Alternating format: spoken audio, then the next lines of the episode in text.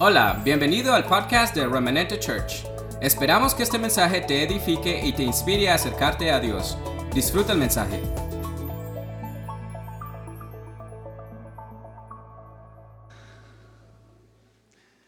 Meditaba en algo estos días. Y es que entendamos cuánto de Dios hay en ti y en mí. Dios quiere que tú y yo reconozcamos cuánto de Él hay en nosotros. Y yo te quiero decir algo esta mañana. No importa qué estés viviendo, no importa qué errores hayas cometido, en ti y en mí hay mucho más de Dios de lo que podemos imaginar.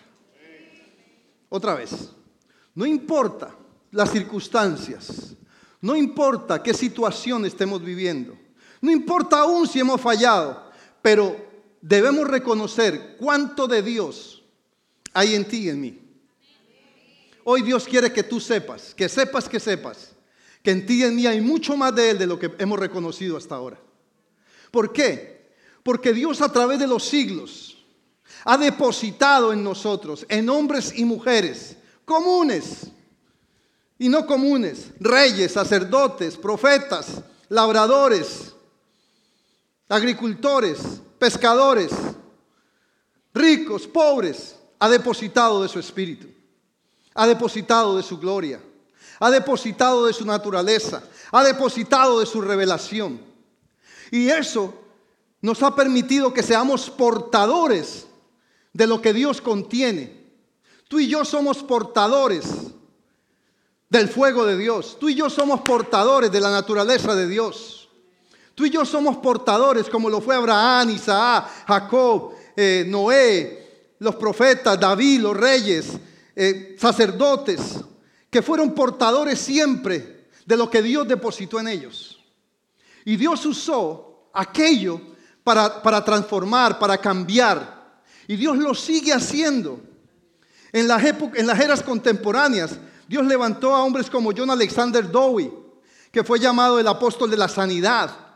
Un hombre también de milagros, un hombre que se necesitaba llover, oraba y llovía. Mujeres como María Woodward, la mujer que, que, decían que daba a conocer el Espíritu Santo. Tomaba a alguien, le decía, ¿quieres conocer al Espíritu Santo? Le ponía la mano y el poder del Espíritu Santo se manifestaba en esa persona. O sea, hombres y mujeres que a través de la historia, aún contemporánea, Dios depositó sobre ellos. Evan Roberts, que era un, era un, minero, vivía en una mina de carbón y fue el que Dios usó para provocar el, avivamiento en Gales. David Wigglesworth, es difícil esta palabra, pero fue un éxito aprendérmela. David Wigglesworth, un, un inglés, era un hombre tan tremendo en milagros, en evangelismo, un hombre de influencia, que Dios lo usó para resucitar a su esposa dos veces. Se murió dos veces y dos veces la resucitó. La tercera, ella le dijo, déjame ir. Déjame ir. Yo no sé si hubiera hecho lo mismo con la suegra, pero por lo menos con la mujer lo hizo.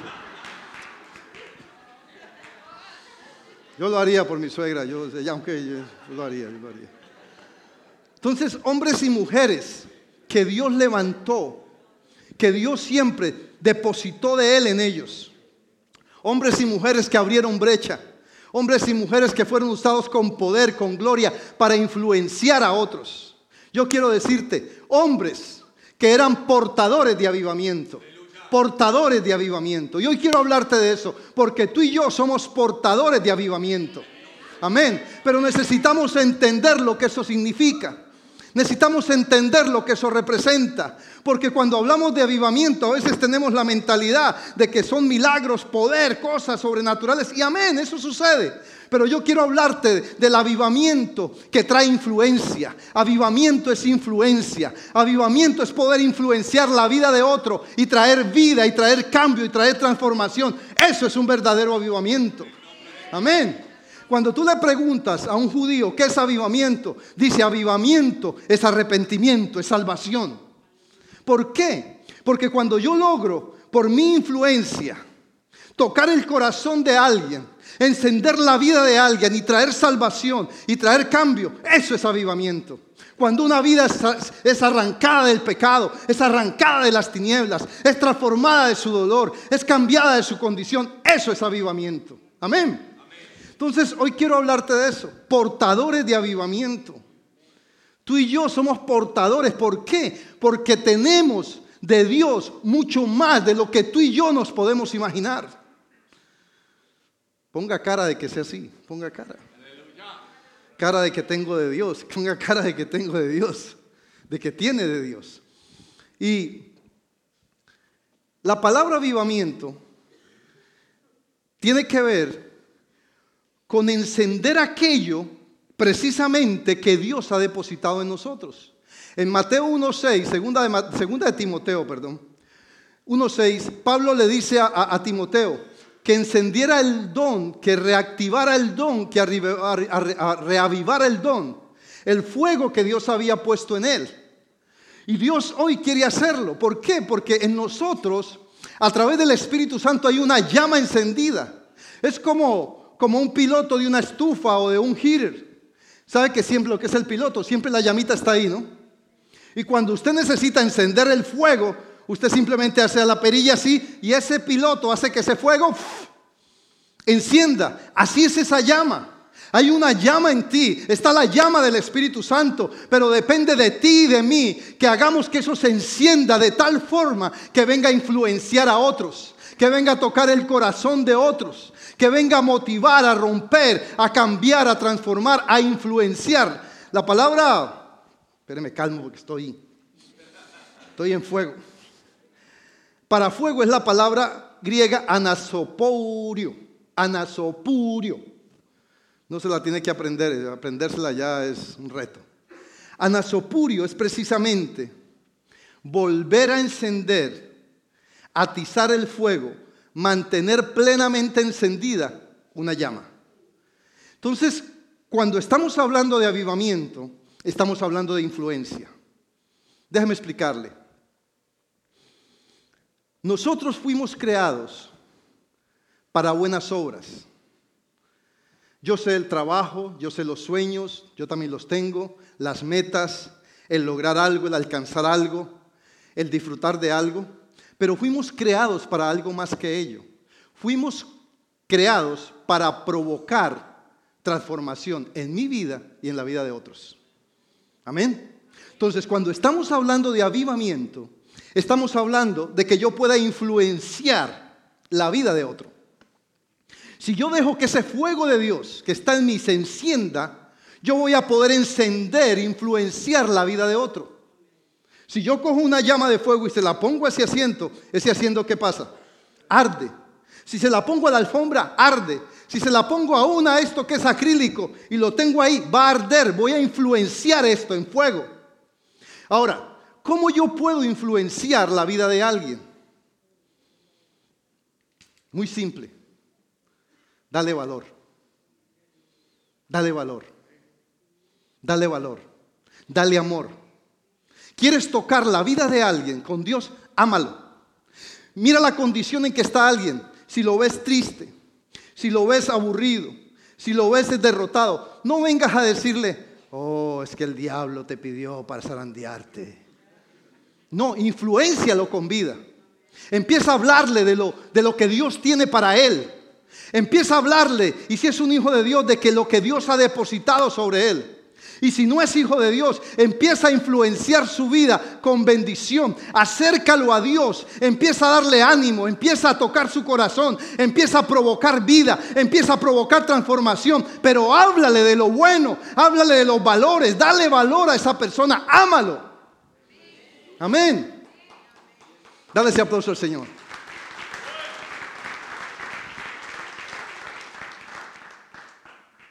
Tú puedes acercar a una persona a Dios o puedes alejar a una persona de Dios. ¿Cómo alejamos a una persona de Dios?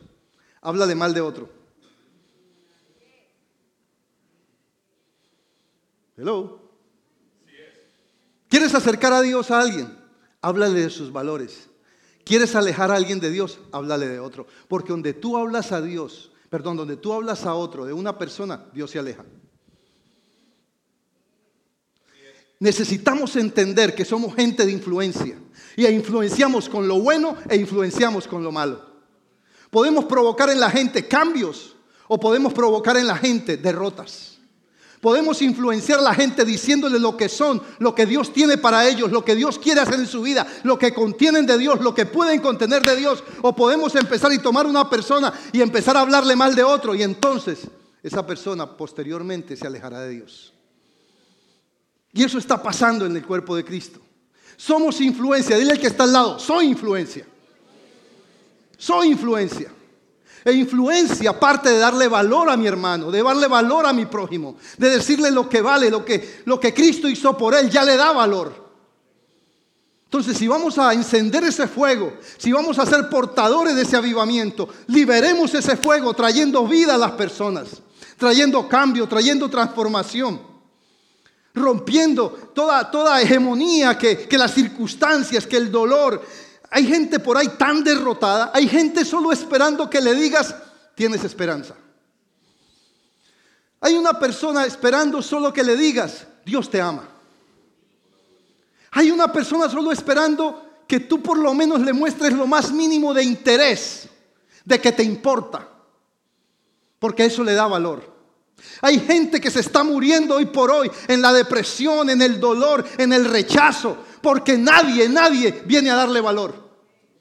Pero cuando tú y yo como hijos de Dios dejamos que esa llama salga, influencia y toque el corazón de alguien, tú vas a ver una vida que de la muerte emerge, una vida que del dolor es levantada, una vida que de la derrota puede decir tengo esperanza, tengo victoria porque Cristo lo hizo por mí. Amén.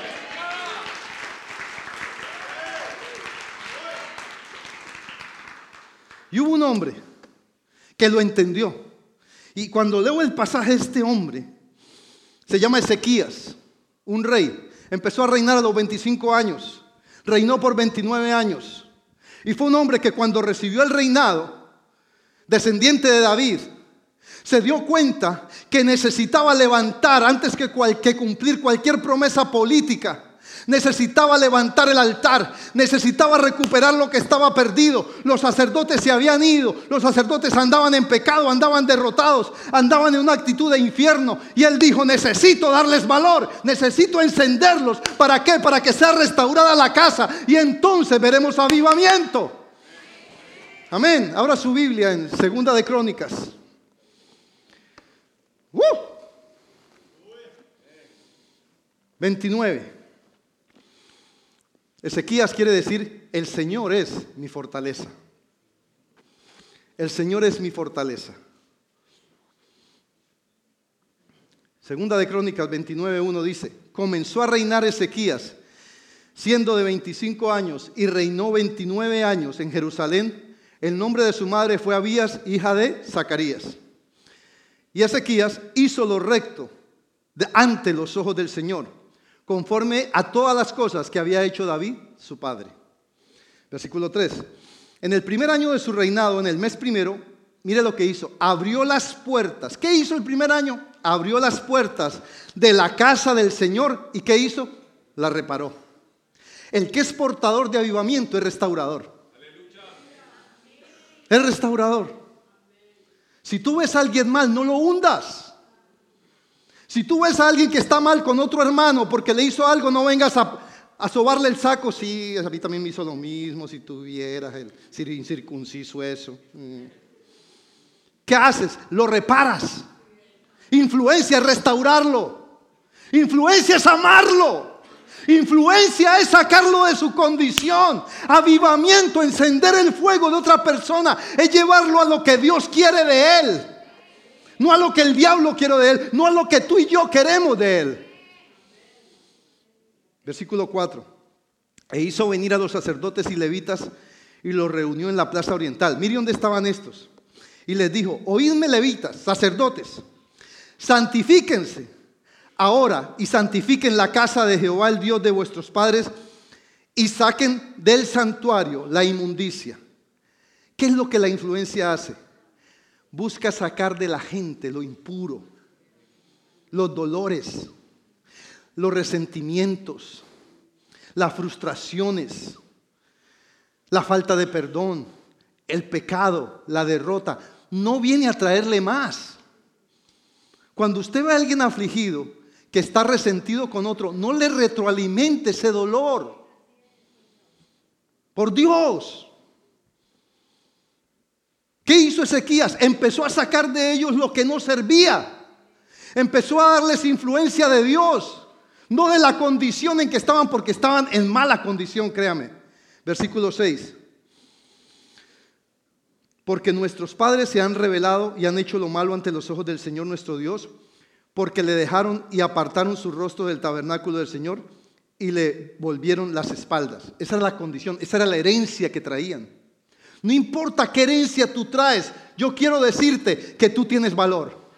No importa la herencia que tus padres te dejaron, que tu papá viste en tu papá, si fue drogadicción, si fue alcoholismo, si fue maltrato. Tu herencia en Cristo es buena. Tu herencia en Cristo redime. Tu herencia en Cristo cambia. Tu herencia en Cristo te levanta y enciende la llama de su espíritu. Aleluya. Siete. Y aún cerraron las puertas del pórtico. Para los que están por primera vez, yo normalmente no soy tan bulloso, es que hoy estoy emocionado. Dice, y aún cerraron las puertas del pórtico y apagaron las lámparas, no quemaron incienso, ni sacrificaron holocausto en el santuario de Dios, al Dios de Israel. Dejaron apagar el piloto. ¿Se acuerda del piloto? El que emprende el fireplace, la chimenea, la estufa, el heater. Estos dejaron apagar el piloto. O sea, no había, avivamiento del todo. Ya no eran portadores de avivamiento. Versículo 8. Por tanto, la ira del Señor vino sobre Judá y Jerusalén y los entregó a turbación, a execración a escarnio, como veis vosotros con vuestros ojos. Y aquí vuestros padres han caído a espada y vuestros hijos, nuestras hijas y nuestras mujeres fueron llevadas en cautivos por esto. O sea, él les estaba mostrando, ok, estas son las circunstancias, pero, pero dijo, hay posibilidad de cambio. Ezequías se había propuesto en su corazón hacer que ese avivamiento, que esa influencia saliera de él e impactara el corazón de estos hombres, que eran los sacerdotes. Y entonces les dijo, versículo 10, ahora pues, dígale que está al lado, ahora pues, yo he determinado, dice Ezequías, hacer pacto con el Dios de Israel para que aparte de nosotros el ardor de su ira. 11. Hijos míos, no os engañéis ahora porque el Señor os ha escogido a vosotros para que estéis delante de Él y le sirváis y seáis sus ministros y le queméis incienso. O sea, empezó a darles qué? Valor. Él les dijo a los sacerdotes, hijos míos, no se engañen, no se queden en esa condición, no le escuchen al diablo. Miren lo que Dios dijo acerca de ustedes. Él los escogió para que estén delante de Él y le sirvan y sean sus ministros y le quemen incienso, o sea, que levanten adoración delante de Él. Esa era la verdad acerca de los sacerdotes. Tu verdad es esta. Tu verdad es lo que Dios ha depositado sobre ti. Tu verdad es lo que contiene de Dios. No importa las circunstancias, podremos estar en situaciones difíciles en este momento, problemas a nivel financiero, a nivel salud, a nivel familia, a nivel hijos, a nivel esposo, a nivel trabajo, pero mi verdad es lo que Dios ha dicho acerca de ti, de mí, lo que tú y yo contenemos de Él, es nuestra verdad, no nuestras circunstancias, amén. Es lo que Dios ha dicho acerca de ti, lo que debo escuchar. Hay muchas voces que se levantan en estos tiempos. Muchas voces se están levantando. El enemigo constantemente levanta voces. Pero hay una voz que está en tu espíritu, que está en tu interior, que es parte de ti, que es una voz segura. Es la voz del Padre, es la voz del Hijo, es la voz del Espíritu que te dice, hay esperanza, hay quien te levante, hay quien te valora, hay quien te ama, hay quien te llamó, hay quien te escogió. Amén.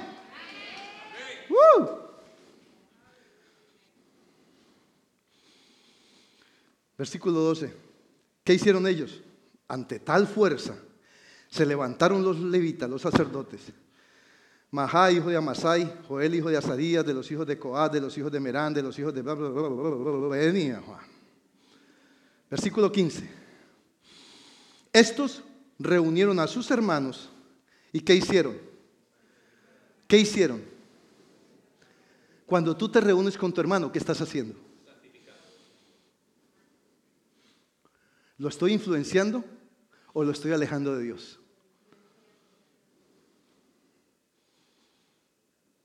Oh, eso te pasa porque Ah, es que andabas con Julano. Es que mira, ese me hizo este y este y este y este. Te, te advertí, yo te dije, yo te dije. No, no, no, no.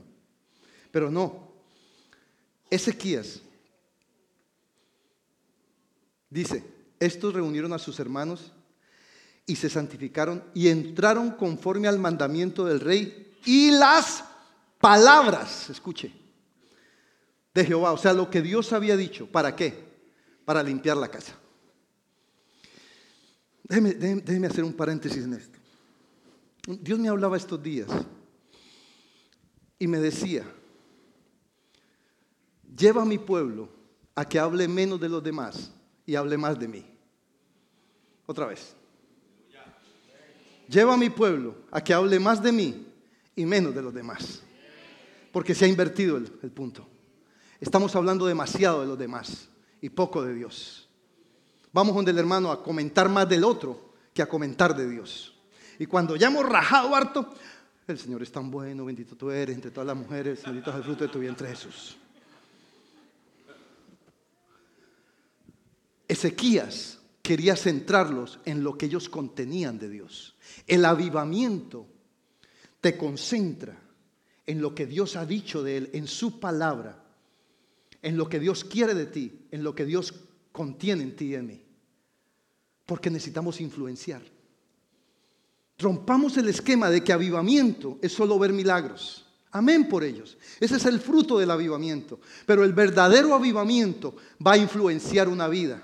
Cuando tú llegas y ves una persona en una condición de dolor, de derrota, de dificultad y logras de pronto encender en él esa llama, es porque estás trayendo avivamiento a su vida. Amén.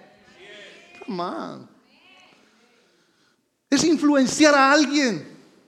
Es sacar a alguien de su condición. Mira, Dios, te, te lo voy a abrir, abrir mi corazón en esto.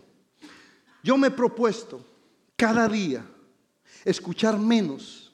Sabes que como pastor escucho muchas cosas. Escuchar menos de lo que el diablo quiere hacer y más de lo que Dios está haciendo. Porque el diablo siempre va a querer hacer y me va a querer distraer todo el tiempo. Si me traes una palabra, si dices esto, si dices aquello, si pasó algo, si pasó allá. Y cada día el enemigo está obrando, no para. Ahora que estuve en Pereira, tres iglesias, escúcheme, diferentes a remanente, vinieron a mí, hombres de Dios, a decirme, ayúdenme, porque quiero salir del yugo de esclavitud en que estoy, de manipulación, de control, de abuso. Pastor es testigo de eso. Iglesias fuertes de la ciudad. ¿Por qué? Porque hemos desplazado a Dios y nos hemos querido posicionar y posesionar de la gente. Y Dios nos guarde de eso. Yo oro que Dios me guarde de eso. Porque yo, tú no eres propiedad del pastor. Yo soy un servidor tuyo para que la influencia de Dios opere en tu vida. Y yo estoy orando que Dios me enseñe más. Tampoco pretendo ser mejor que otros, pero que Dios cada día me vuelva un agente influyente sobre tu vida a través de la palabra. Amén.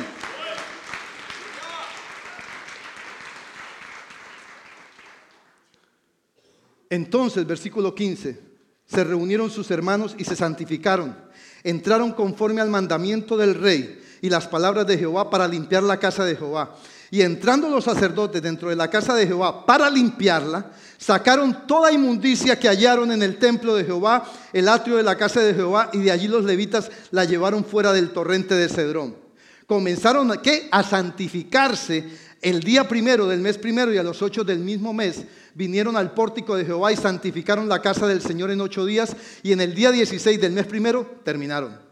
Entonces vinieron al rey Ezequías y le dijeron, ya hemos limpiado toda la casa de Jehová, el altar del holocausto y todos sus instrumentos y la mesa de la proposición con todos sus utensilios.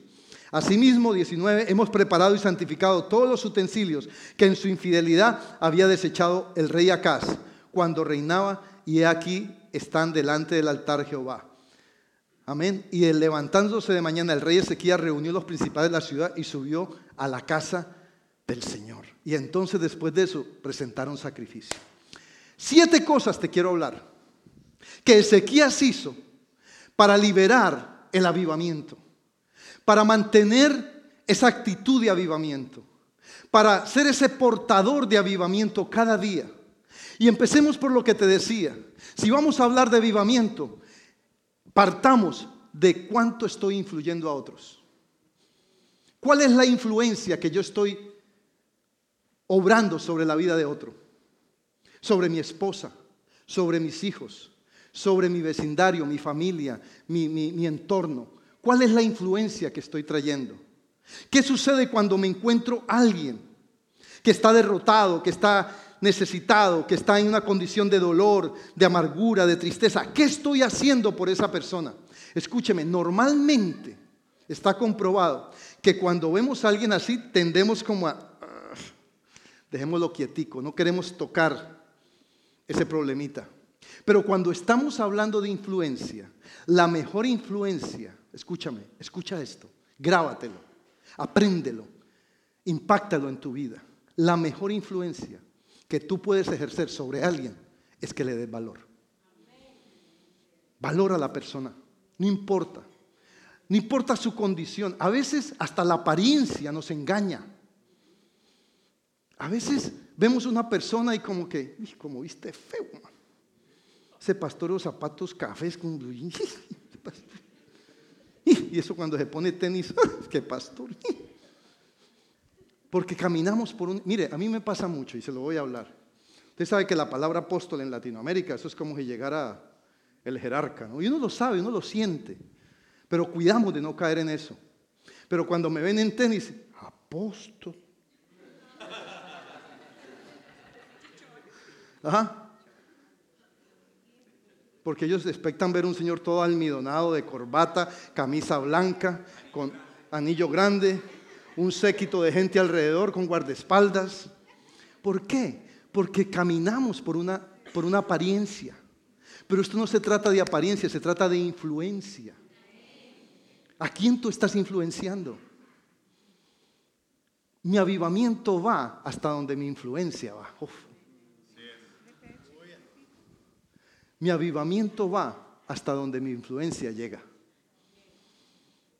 Tu avivamiento es tan fuerte, no porque tuviste una fiesta pentecostal o qué linda estuvo la alabanza, es cuánto estoy influenciando a alguien. O sea, ¿a qué persona les está dando valor?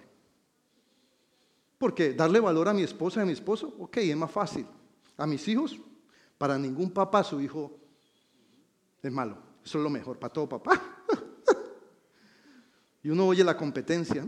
Cuando uno oye unas dos familias hablando, claro que usted nunca ha hecho esto. Esto pasa por allá en Pereira. Oh, aquí está el pastor Juan Carlos de Pereira. Qué pena que no lo he presentado. Este es un hijo de la casa. Eh, todos empezamos. No, si tuvieras mi hijo los logros. Y el otro va sacando la,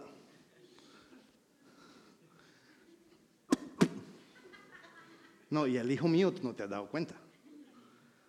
¿Por qué? Porque es fácil influenciar a los que amamos.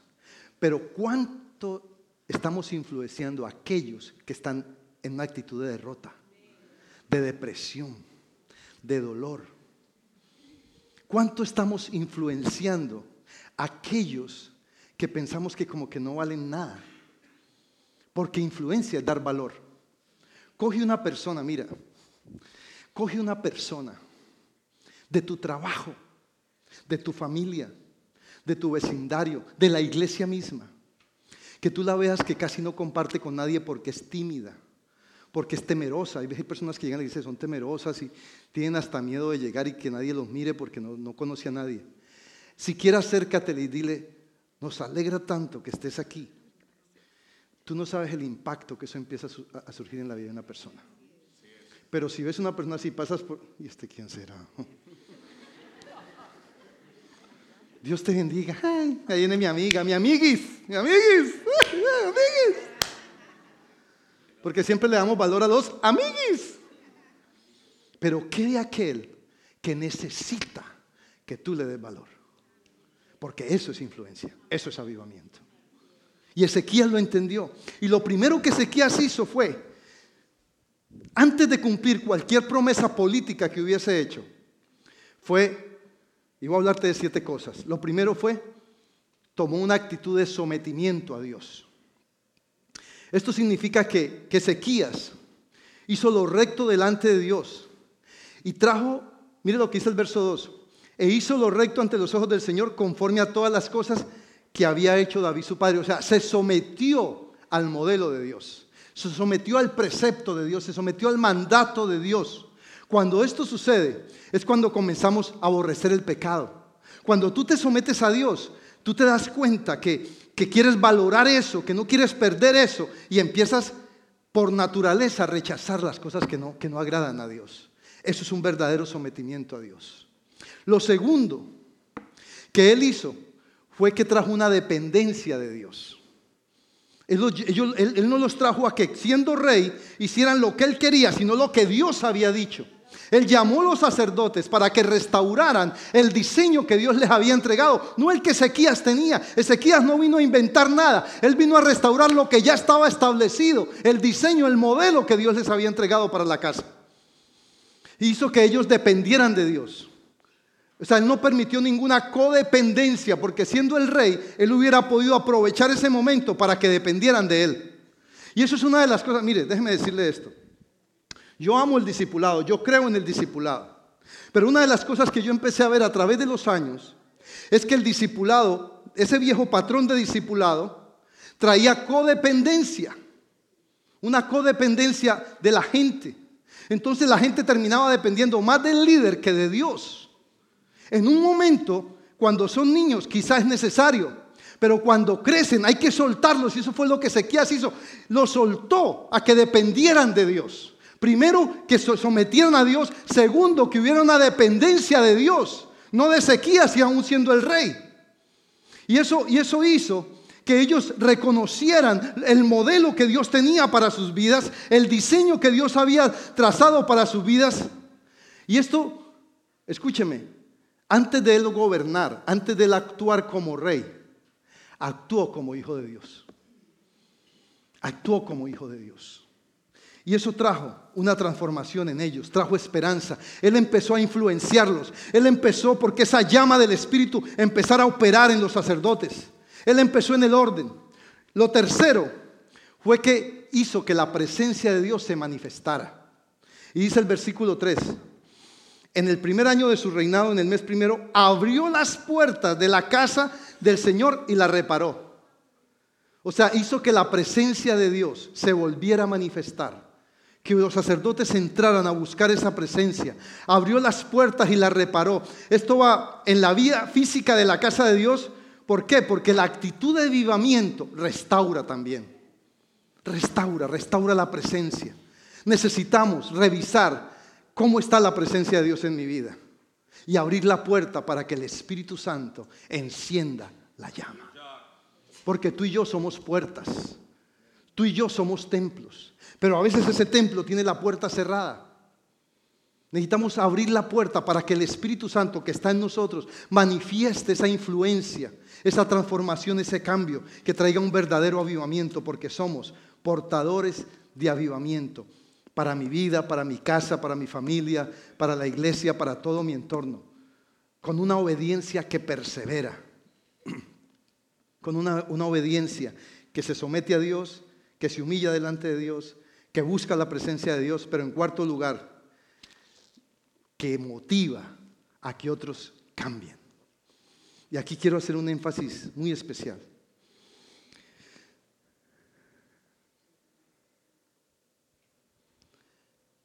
Si vamos a hablar de avivamiento, de que somos portadores de avivamiento, mi vida tiene que ser un instrumento que toque el corazón de otro. Simple. Ay, pastor, es que a mí me da pena compartir de Cristo, es que yo no sé cómo hacerlo. Espérate. Es darle valor a alguien. Eso es fácil. Haz este ejercicio. Piensa en alguien en este momento que es tu amigo, tu hermano, tu familia, tu hijo, tu mamá, tu papá, que tú sabes que está en una mala condición. Y a veces, ah, qué, pereza llamar para oír lo mismo de siempre. Yo sé que tú no has hecho eso. Para oír los mismos quejidos de siempre, no importa. Pero él va a oír algo diferente, te va a oír a ti. Llama a esa persona. Si está en tu país, hazlo si está enferma, si sabes que económicamente está mal. Hay muchas maneras de dar valor. mándale 5 dólares, mándale 10 dólares. ¿Me está entendiendo? No porque el dinero sea lo que le da valor, pero la acción va a decir, hay alguien que piensa en mí. O sea, propongámonos cada día hacer el bien a alguien y usted va a crear influencia en otro. Y avivamiento. ¿Por qué se retiene el avivamiento? Porque no lo proyectamos en otro. ¿Por qué se retiene esa llama en nosotros? Porque el avivamiento fue dado no para ver poder, sino para encender vidas. Póngala en Facebook. El avivamiento no fue dado para ver poder, sino para encender vidas, para influenciar vidas, para traer valor a otras vidas. Yo no estoy aquí para demostrarte que Dios es poderoso. Yo estoy aquí para demostrarte que Dios es tu Dios. Es tu Padre. Es tu Señor. Es el que te transforma. Porque el poder se manifiesta como una añadidura, pero no es el fin. El fin es que tu vida y mi vida sean transformadas. Entonces, haz ese ejercicio. Si vamos a hablar de este cuarto punto, que tiene que ver con traer cambio a otros, ¿qué estamos haciendo por eso? Y, anhelamos avivamiento. La idea que tenemos de avivamiento es que, wow, hoy hubo avivamiento en la iglesia, la gente se cayó. Ah, ah. ¿Y cuántas almas hubo salvas? No, wow, se cayeron.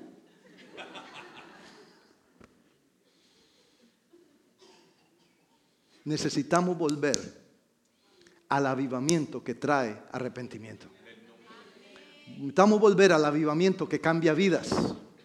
Necesitamos volver al avivamiento que influencia vidas.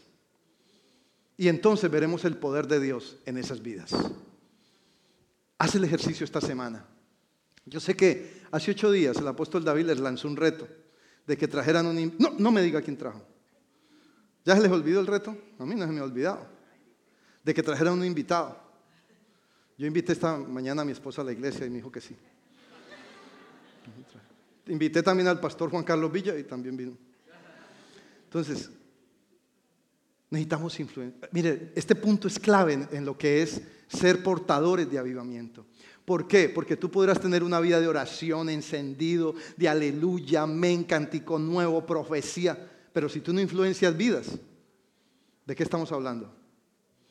¿De qué estamos hablando si no influenciamos vidas? Necesitamos ubicar el Evangelio, que caiga donde es. En estos días yo le decía a alguien, a un pastor, creo que lo dije ya, si este Evangelio no te sirve, déjalo. En otras palabras, si este Evangelio no te cambia, estaba pastor ahí cuando lo dije, ¿verdad? Déjalo, déjalo, porque entonces no sirve. Pero yo te tengo buenas noticias. Este Evangelio en ti transforma vidas, cambia vidas. En quinto lugar, él buscó unidad y restauración. La unidad restaura. Déjeme explicarle. Por años la iglesia está viniendo, la iglesia del Señor está viniendo, está siendo afectada por la falta de unidad. Hay separación, nos lastimamos unos a otros, hablamos unos de otros, descalificamos y hay una ola. Yo quiero enseñarle algo. Yo quiero enseñarle algo. Y esto viene de Dios. He esperado, creo, mucho tiempo para decir esto que voy a decir. Y no porque hubiera esperado, creo que hoy es el día que Dios me está llevando a decirlo. No te encarnices con alguien aunque haya pecado. No te encarnices a destruir a alguien aunque haya pecado. A mí me toca manejar muchas situaciones de personas, a un hombre de Dios, que pecan. Pero lo que Dios me llama es a misericordia. Me encontré una situación, y voy a decirla, voy a soltarla, con un hombre de Dios de una ciudad importante, que me pasó tu teléfono. Y cuando vi su teléfono, yo nunca he dicho esto, pero lo voy a decir para que usted entienda lo que le quiero decir. Me pasó su teléfono que para que le ayudara a borrar no sé qué, que no sabía cómo manejarlo ahí de amistad. Y lo que encontré en su teléfono fue pornografía. Y al frente estaba su esposa, y también estaba mi esposa. ¿Sabe qué yo hice en ese momento? Yo no encubrí su pecado, pero tampoco lo descubrí. Dios me llamó a misericordia, porque yo sé que Él es un hombre de Dios, que había caído en una falta. Hoy sé que está restaurado de eso, que Dios lo ha liberado. Yo no metí mis manos porque no soy su autoridad, pero oré por él y después supe que él puso eso delante de su autoridad y él lo restauró y lo levantó. Pero ¿qué sucede con nosotros cuando vemos la falta de alguien? ¿Qué estamos haciendo con la falta de alguien? Estamos destruyendo. Escarnio, hablamos, dañamos al uno, al otro. Y eso no trae unidad en nuestras vidas. No se trata de encubrir, es que la religión dice, es que no vamos a encubrir el pecado nadie. Nadie está hablando de encubrir pecado. A mí me han señalado de eso muchas veces, de que encubro el pecado de la gente. No, yo no encubro el pecado, yo encubro las personas, porque las tengo que cubrir. Pero ese, ese evangelio mentiroso de vergüenza que hay que exponer al que peca, no, porque es que no hay cosa oculta que no haya de ser, eso está más mal interpretado que nada, hermanos que no hay cosa oculta que no haya de ser revelada. Espérate, va a ser revelado lo que Dios quiera que sea revelado porque Él es soberano. Él es soberano. Pero, pero nunca, nunca mates el fruto de alguien por sacar adelante su pecado. Y uno en esto, como tú, si tú lo eres allá como sentado en una silla, eres expuesto al juicio, eres expuesto a la crítica, a la murmuración, imagínate uno que está acá adelante. Pero no alejes más a nadie de Dios hablándole mal de otro. Esto es una enseñanza, estoy, tocando terreno, terreno caliente, ojo. ¿Tú sabes cuántas veces a mí vienen y me dicen, pastor, es que el Señor me mostró que Julano está en pecado? Tráeme la evidencia. Tráeme la evidencia. Y entonces veremos qué Dios guía a hacer. Y Dios no revela algo para avergonzar a nadie, apréndelo. Si Dios usara algo para avergonzar a alguien, yo dejo este evangelio. Yo dejo este evangelio. Pero Dios no usa las cosas para avergonzar a nadie. Dios usa las cosas para restaurar. Pero ¿qué ha hecho la iglesia? Porque estoy, hablando de este punto, porque estoy hablando de unidad, de restauración. Eso fue lo que hizo ese Los, los sacerdotes estaban adorando otros dioses. ¿Ah? No los mató, que él tenía el derecho de haberlo hecho y levantar otros. Los, los, restauró, los limpió, les dio valor, les dio vida, volvió y los metió a la casa. Y usted puede seguir leyendo la historia. Pero no, la iglesia de hoy es... Nos volvemos caníbales, comemos carne de cristiano pecador. Tú y yo no somos más misericordiosos que Dios. Salmo 85 dice, la misericordia y la paz se encontraron. La justicia, la misericordia y la verdad se encontraron. La justicia y la paz se besaron. La, la, verdad brota de la tierra y la misericordia, la justicia de Dios mirará desde los cielos. Escúchame, avivamiento es rescatar, es restaurar, es sanar Tendremos que corregir, claro que vamos a corregir. Pero corrección no es vergüenza. ¿Me está entendiendo, iglesia? Y esta casa, escúcheme, es una casa de restauración. A otro le ha dado otro modelo el Señor, pero esta casa es una casa de restauración. Y yo lo he visto a través de los años. Personas que han fallado. Aquí está Pastor Juan Carlos que lo puedo decir. Él vivió una situación hace ocho años. No fue él el que pecó. ¿Puedo decirlo, papá? Como testimonio.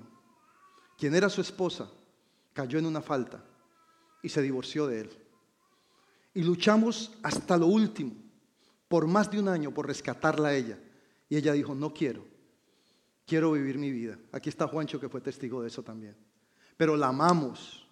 Y hace poco me la encontré, andábamos con pastor. La abracé y le dije, siempre te he amado, no cargo nada contra ti. Y ella lloró y lloró y lloró, porque yo todo lo que le hablé le sucedió, queriéndola rescatar.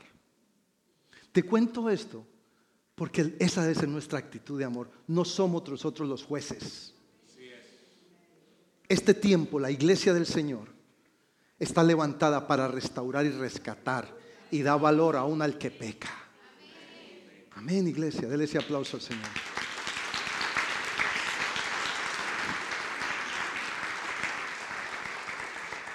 Entonces, si tú me vas a venir a hablar a mí como tu pastor de la falta de alguien, lo que vas a encontrar en mí es querer restaurar esa persona. Corregirla, pero restaurarla, no desecharla. Nunca vamos a desechar a nadie en esta casa. Yo quiero que sepas eso. Yo quiero que sepas eso. Porque eso fue lo que Ezequías hizo. Y este era un punto importante dentro de la iglesia. Porque no podemos perder la esencia de esta casa. La esencia de esta casa es restauración. Ojo, no vamos a encubrir pecado. Pero encubrir pecado no es coger y parar a alguien aquí como lo hacen en muchas iglesias. Confiese lo que hizo papito, a ver. ¿Qué Pues lo oigo, lo oigo. No, eso no es restauración, eso es vergüenza. Restauración es llevar a mi hermano al arrepentimiento, porque ese es el propósito de Dios. A la techubá, a un cambio de dirección. Y eso fue lo que Ezequías hizo. Los sacerdotes estaban llevados. No merecían sino la muerte porque el sacerdote que pecaba moría de antemano. No era, ya no era acto para entrar a la casa del Señor. Pero Él los restauró, los levantó, los llevó a la casa y la gloria de Dios volvió a manifestarse a través de, ellos. En sexto lugar, su, obediencia le dio convicción de pecado a, a ellos. Ellos tuvieron convicción porque Ezequías los trajo y ellos se arrepintieron y dice que se descontaminaron, que quitaron toda inmundicia de sus vidas. Porque el avivamiento, la influencia va a hacer que otro, escúcheme, eh, haya, convicción de pecado. No juicio, convicción de pecado. Es diferente. Ten, ten cuidado de que tu influencia no traiga juicio, sino que traiga convicción de pecado. ¿Ves la diferencia? Porque muchas veces nos creemos jueces y traemos ese juicio sobre la persona. A mí, a mí no me importa juzgar. ¿Usted quiere juzgar a alguien? No, yo quiero que se arrepiente. Yo no sé usted, pero yo quiero que alguien se arrepienta. Si alguien pecó, yo quiero que esa persona se arrepienta. Yo no quiero juicio sobre esa persona. Yo quiero que se arrepienta, yo quiero rescatarla, yo quiero liberarla, yo quiero que, como hizo Ezequiel, lo vuelva a poner en el templo. Les voy a contar algo. Es que estoy hoy, hoy, ustedes me están jalando la lengua. Y yo sé que con esto le voy a romper la religión a muchos. Perdóneme. Pero siempre hay un día para hablar las cosas. Hace unos años, una persona de esta casa, que era la alabanza, muy especial, pecó. Cayó. Ya no está aquí por si acaso. Pero no por eso se fue. Hoy en día tenemos una bonita relación. No empiece a, ¿quién sería Tim Marín de Ospin? Bueno, no, voy a empezar con eso porque no, usted ni se lo imagina, por eso lo voy a hablar. Hace muchos, muchos años como, como Shrek, far, far, far, far away. y vino y me confesó su falta. Y temblaba y lloraba. Y me decía, ¿qué va a hacer conmigo? Y yo mientras estaba hablando con él, pues yo también lloraba de verle, se me venían las lágrimas. Y mientras estaba ahí, Dios me dice, dile que vuelva en tres días. No le digas nada, solo que vuelva en tres días. Y yo te voy a hablar. Cuando yo le dije eso, él decía, no, pero yo estos tres días, ¿qué voy a hacer? Yo no aguanto, me decía. Decía, descansa en el Señor, descansa en el Señor. Eso fue como un martes y al viernes regresó a mi casa. Vivíamos en Haymarket precisamente. Y temblaba, temblaba porque era una persona linda, pero bueno, había caído. Y lo que Dios me dijo en esos tres días fue, le vas a dar un abrazo, lo vas a amar y le vas a dar paternidad.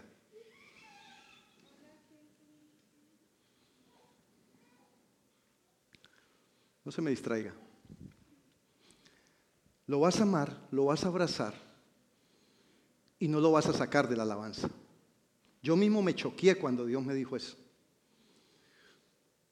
Y el Señor me dijo, el que encubre su pecado no prosperará, mas el que lo confiesa alcanzará misericordia. Y él vino a confesar su pecado. Lo amé, lo abracé, lloré con él Y le dije, el próximo miércoles vas al ensayo para que toques la próxima semana.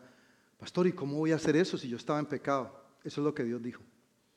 Porque la sangre de Cristo te limpia. Y vamos a entrar en un proceso de restauración contigo y a tratar con esa, esa falta, esa área en tu vida. Obviamente no todos los casos son así, pero eso fue como Dios me direccionó. Escuche esto. Esa persona volvió a los ocho días y me dijo, pastor, ¿le puedo pedir algo? Mire, mire lo que es Dios. Me dijo, yo no me siento bien para ministrar así. Por favor, déjeme estar un tiempo afuera. Y le dije, pero que sea tu convicción en Dios, pero no es lo que Dios me ha direccionado. Si eso te hace sentir mejor y quieres entrar en un proceso de tú mismo restaurar o tú, tú mismo corregirte, le dije, por la falta, ok. Entonces, ¿qué te quiero decir con esto? Hoy por hoy, esa persona, donde está, porque sé dónde está, es una tremenda persona de Dios. Se casó, tiene un hogar bien lindo, una esposa bien linda, un matrimonio bonito y está sirviéndole al Señor. Entonces, dígame, dígame de eso. Dígame de eso si hubo restauración. Dígame de eso si hubo convicción de pecado. No todos los casos van a ser igual. Usted dirá, ah, no, pero eso es pecado que usted rescató el Señor su vida o no la rescató. Y habrá otro, hubo otro caso después que Dios me dijo, sácalo, y lo saqué. ¿Por qué? Porque Dios es soberano. Dios no anda, mire, se lo voy a poner de esta manera. Estaba hablando con un grupo y dando una enseñanza, y estábamos hablando acerca de lo profético. Y Dios me dice, ellos tienen una nomenclatura profética. ¿Sabe lo que es una nomenclatura? Algo que es, esto significa esto, esto significa esto, esto significa esto y esto significa esto. Y, esto es revelación lo que te voy a decir. Y de pronto me dicen, es que nos encontramos una serpiente y usted sabe que la serpiente significa esto. Y le dije, no, no, no, perdón. Eso es, ¿cómo se dice? Meter a Dios en un tubo. Me dijo, ¿cómo así? Le dije, en el, escuche esto, le puse este ejemplo, y eso fue una palabra de sabiduría. En el Edén la serpiente fue Satanás, pero en el desierto la serpiente fue sanidad. ¿Me está entendiendo? La gente representaba a Cristo. Entonces, ¿quién dijo que yo tengo que acomodar la serpiente a una nomenclatura? Dios es soberano a un formato. Hay veces, y le ponía un ejemplo, estaba en una casa y había un elefante. Le dije, entonces si me sueño con un elefante, entonces tiene que ver con viaje al África. De pronto es que soy fuerte o que le tengo miedo a los ratones. De pronto tiene que ver con eso. No hay una nomenclatura para Dios. ¿Me está entendiendo? Dios es soberano. La religión nos ha creado una nomenclatura. No se me ocurre cuál otra palabra, pero nos ha creado como, como una, una lista, un, uno, un checkout. Esto significa esto, esto, esto, esto, esto, esto, esto, el color. Si me sueño con un, la otra decían, si me sueño con un matrimonio es porque se va a morir alguien. Y si me sueño con un muerto es que se va a casar alguien. Si me he reído mucho es porque voy a llorar. Y si he llorado mucho es porque voy a reír. Así como es la prueba, así es la bendición. Eso no tiene soporte bíblico. Entonces, rompamos los esquemas y los paradigmas que la religión nos ha creado y dejemos que haya una revelación genuina en nuestra vida. ¿Me está entendiendo? Denle ese aplauso al Señor.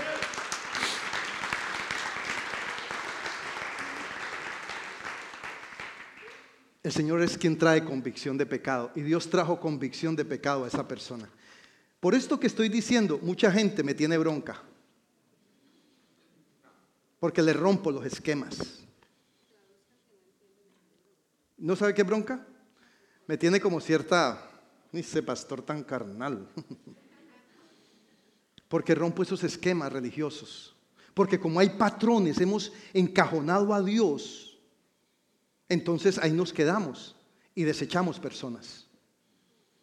Ahora, yo sé que este tipo de mensajes crean roncha.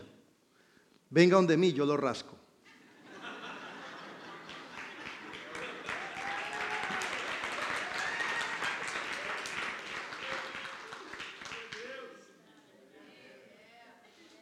Usted me pregunta, ¿usted está entendiendo el espíritu de lo que le estoy hablando, iglesia?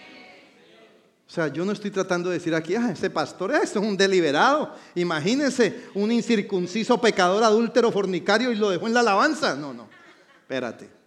Fue una dirección de Dios específica para rescatar una vida, porque él confesó su pecado y Dios no me mandó ni a avergonzarlo, ni a disciplinarlo con vergüenza, a corregirlo sí, porque entramos en un proceso y él reconoció su falta y avanzó, se casó, restaurado, bendecido, una persona muy bendecida, por cierto, y por hoy. Y nos amamos. ¿Está entendiendo lo que le estoy diciendo? Lo otro, lo séptimo, su obediencia lo llevó a hacer pacto, a hacer pacto con Dios.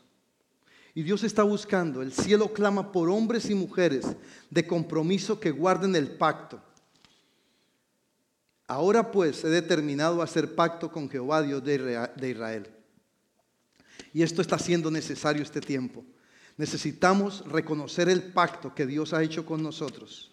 Gente comprometida que produzca avivamiento. A veces caemos en tibieza, nos olvidamos de, del grado de entrega y de compromiso. Y mire lo que vivimos durante el, durante el ayuno, hermanos. No podemos depender de un ayuno para que la gloria de Dios se manifieste entre nosotros. Aunque ha sido lindo el ayuno, vimos la gloria de Dios, fueron 21 días de adoración, de gloria del Espíritu, pero eso está ahí vigente, está en ti, está en mí, esa llama está ahí. Y depende de ti, de mí, mantener esa llama encendida, influenciando a otros. Eso mantiene avivamiento. Entonces, nos someteremos, dependeremos de Dios buscaremos la presencia de Dios, caminaremos en, unidad y restauración. Dios traerá convicción de pecado como lo trajo a los sacerdotes y caminaremos en pacto con Dios. Eso mantiene avivamiento. Y sobre todo, y termino con esto, wow. Pero veo que está estado así, así que no, no estaba aburrido. No he visto a nadie durmiéndose, así que... De todo esto, te voy a dar una recomendación simple. Esta semana que viene, piensa en alguien e influencialo. Y ahí empieza tu avivamiento. Ahí liberas tu avivamiento. Piensa, no importa. Así alguien que te encuentres en la calle o esté fuera en tu país o de la familia o amigo o vecino o aún de la misma iglesia. No, no, no. No lo llames a, no, llámalo a amarlo, a darle valor, a influenciarlo. Eso es avivamiento.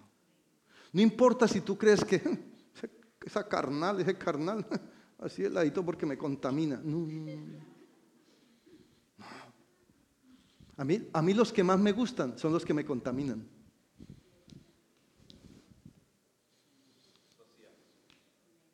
Porque era lo que Jesús hacía. Al que más se le ama es al que más necesita.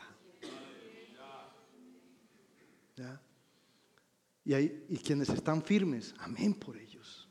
Amén por los que están firmes, porque son maduros, aunque todos necesitamos.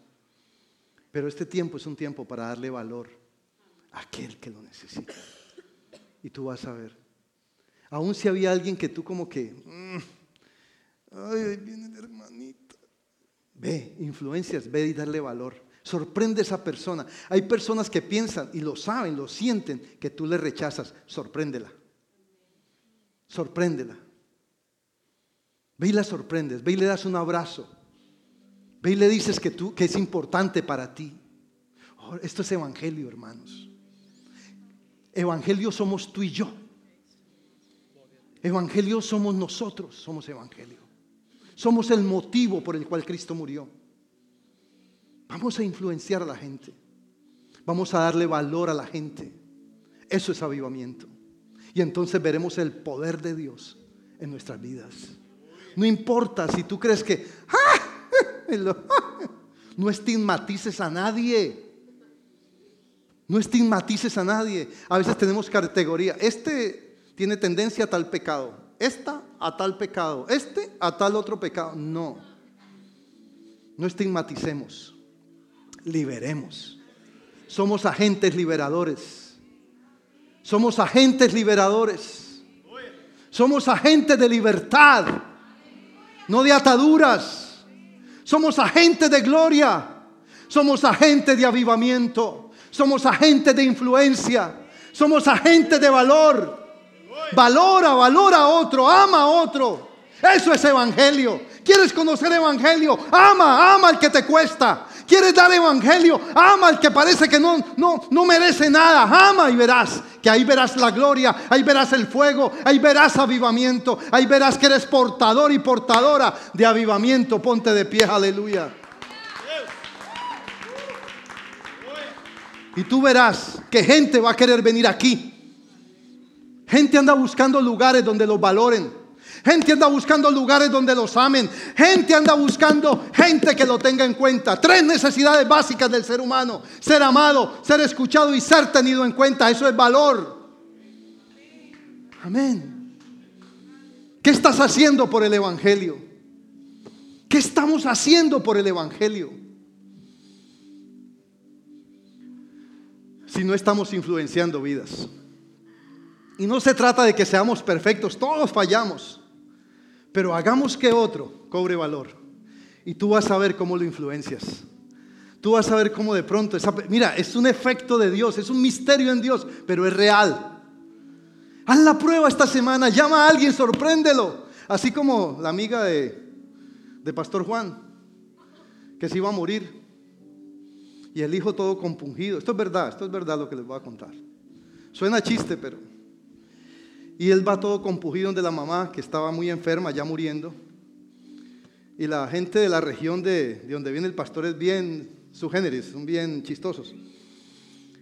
Y cuando estaba ahí en el lecho de muerte le dice, mamá, es duro decirte esto, pero tú cómo quieres ser enterrada, quieren que te cremen, quieres que te enterremos, ¿qué quieres mamá? Y le va diciendo la mamá, papito, sorpréndame.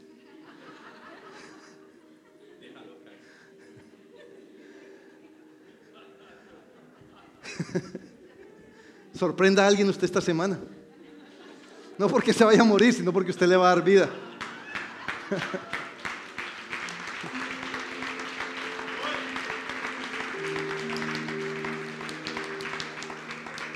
Sorprenda a alguien. Hazlo, hazlo, pero hazlo. Hazlo, aunque sea un mensaje de WhatsApp. No hay excusa. Alguien con que no hables hace tiempo te estaba pensando o de acuerdo con momentos o lo que tú has representaste para mí. Siempre hay alguien que tenemos que agradecerle algo o no. Yo tengo mucho que agradecerle a mucha gente. Sorpréndelo, sorpréndelo. Eso es influencia, eso es avivamiento. Esperamos que este mensaje haya sido de bendición. No te olvides de suscribirte a nuestro podcast y seguirnos en Facebook e Instagram arroba remanente.